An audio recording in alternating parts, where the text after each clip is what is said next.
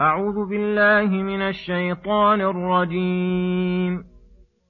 وعنده مفاتح الغيب لا يعلمها إلا هو ويعلم ما في البر والبحر. وما تسقط من ورقة إلا يعلمها ولا حبة في ظلمات الأرض ولا رطب ولا يابس إلا في كتاب مبين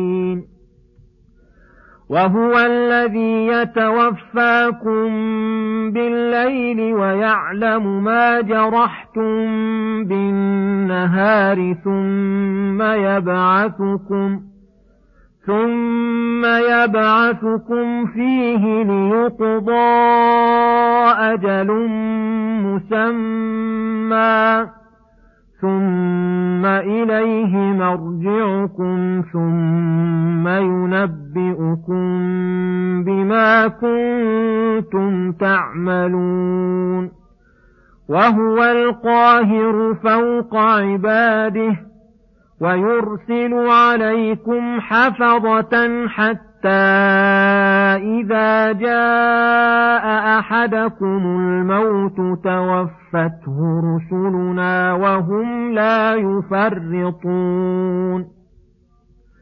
ثم ردوا إلى الله مولاهم الحق. ألا له الحكم وهو أسرع الحاسبين. قل من ينجيكم من ظلمات البر والبحر تدعونه تضرعا وخفيه تدعونه تضرعا وخفية لئن أنجانا من هذه لنكونن من الشاكرين قل الله ينجيكم منها ومن كل كرب ثم أنتم تشركون بسم الله الرحمن الرحيم السلام عليكم ورحمة الله وبركاته يقول الله سبحانه وعنده مفاتيح الغيب لا يعلمها إلا هو ويعلم ما في البر والبحر ما تسقط من ورقة إلا يعلمها ولا حبة في ظلمات أرض ولا رطب ولا يابس إلا في كتاب مبين. هذه الآية العظيمة من أعظم الآيات تفصيلا لعلمه المحيط وأنه شامل للغيوب كلها التي يطلع منها ما شاء من خلقه وكثير منها طوى علمه عن الملائكة المقربين والأنبياء المرسلين فضلا عن غيرهم من العالمين وأنه يعلم وأنه يعلم ما في البرار والقفار.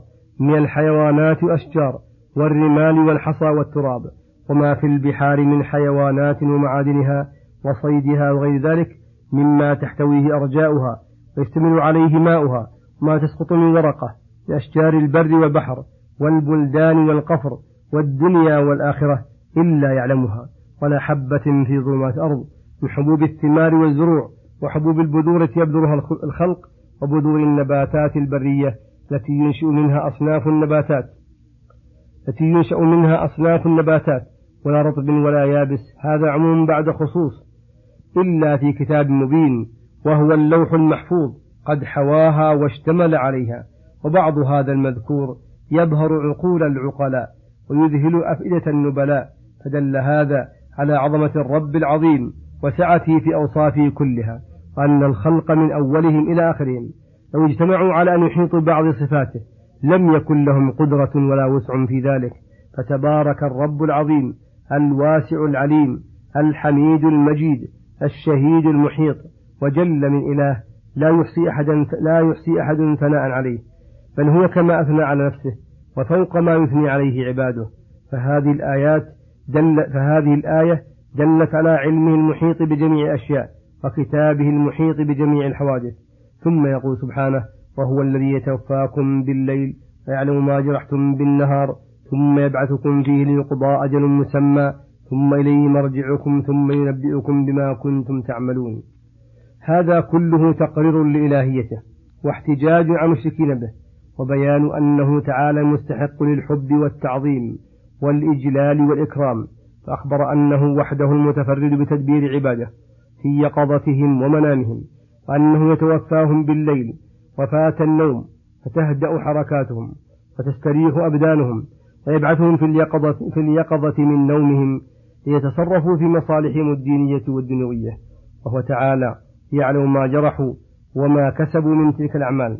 ثم لا يزال تعالى هكذا يتصرف فيهم حتى يستوفوا آجالهم فيقضي بهذا التدبير أجل مسمى وهو أجل الحياة وأجل آخر فيما بعد ذلك. وهو البعث بعد الموت. ولهذا قال ثم إليه مرجعكم لا إلى غيره. ثم ينبئكم بما كنتم تعملون من خير وشر. وهو تعالى القاهر فوق عباده ينفذ فيهم إرادته الشاملة ومشيئته العامة. فليسوا يملكون, فليسوا يملكون من أمر شيئا ولا يتحركون ولا يسكنون إلا بإذنه ومع ذلك. فقد وكل بالعباد حفظة من الملائكة يحفظون عليه ما عمل كما قال تعالى إن عليكم لحافظين كراما كاتبين يعلمون ما تفعلون. وقال تعالى عن اليمين وعن الشمال قعيد ما يلفظ من قول إلا به رقيب عتيد. فهذا حفظه لهم في حال الحياة حتى إذا جاء أحدكم موت توفته رسلنا أي ملائكة موكلون بقبض أرواح. وهم لا يفرطون في ذلك فلا يجدون ساعة مما قدره الله وقضاه. ولا ينقصون ولا ينفذون من ذلك إلا بحسب المراسيم الإلهية والتقادير الربانية. ثم بعد الموت والحياة برزخية وما فيها من خير والشر ردوا إلى الله مولاهم الحق أي الذي تولاهم بحكمه القدري فنفذ فيهم ما شاء من أنواع التدبير ثم تولاهم بأمره ونهيه وأرسل إليهم الرسل وأنزل عليهم الكتب ثم ثم ردوا إليه ليتولى الحكم فيهم بالجزاء ويثيبهم على ما عملوا من الخيرات ويعاقبهم على الشرور والسيئات. ولهذا قال ألا له الحكم وحده لا شريك له وهو أسرع الحاسبين لكمال علمه وحفظه لأعمالهم بما أثبته في اللوح المحفوظ ثم أثبته ملائكته في الكتاب الذي بأيديهم. إذا كان تعالى هو المنفرد بالخلق والتدبير وهو القاهر فوق عباده قد اعتنى بهم كل الاعتناء في جميع أحوالهم وهو الذي له الحكم القدري. والحكم الشرعي والحكم الجزائي فأين المشركين العدول عمن هذا وصفه ونعته؟ إلى عبادة من ليس له من أمر شيء ولا عنده مثقال ذرة من النفع ولا له قدرة وإرادة.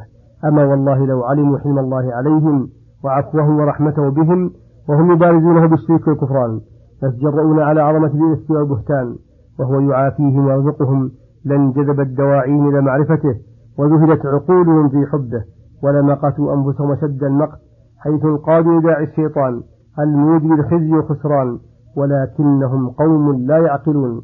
ثم يقول سبحانه قل من ينجيكم من ظلمات البر والبحر؟ الآيات. أي قل لمشركين بالله.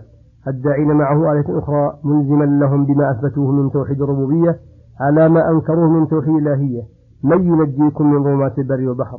أي شدائدهما ومشقاتهما وحين يتعذر أو يتعسر عليكم وجه الحيلة فتدعون ربكم تضرعا بقلب خاضع ولسان لا يزال يلهج بحاجته في الدعاء. وتقولون وأنتم في تلك الحال إن أنجانا من هذه الشدة التي وقعنا فيها لنكونن من الشاكرين لله أي معترفين بنعمته الواضعين لها في طاعة ربهم الذين حفظوها عن أن يبذوها في معصيته. قل الله ينجيكم منها ومن كل كرب أي من هذه الشدة الخاصة من جميع الكروب العامة. ثم أنتم تشركون. لا تفوتون لا تفون لله ما قلتم وتنسون نعمه عليكم فأي برهان أوضح من هذا؟ على بطلان الشرك وصحة التوحيد. وصلى الله وسلم على نبينا محمد وعلى آله وصحبه أجمعين. إلى الحلقة القادمة غدا إن شاء الله. السلام عليكم ورحمة الله وبركاته.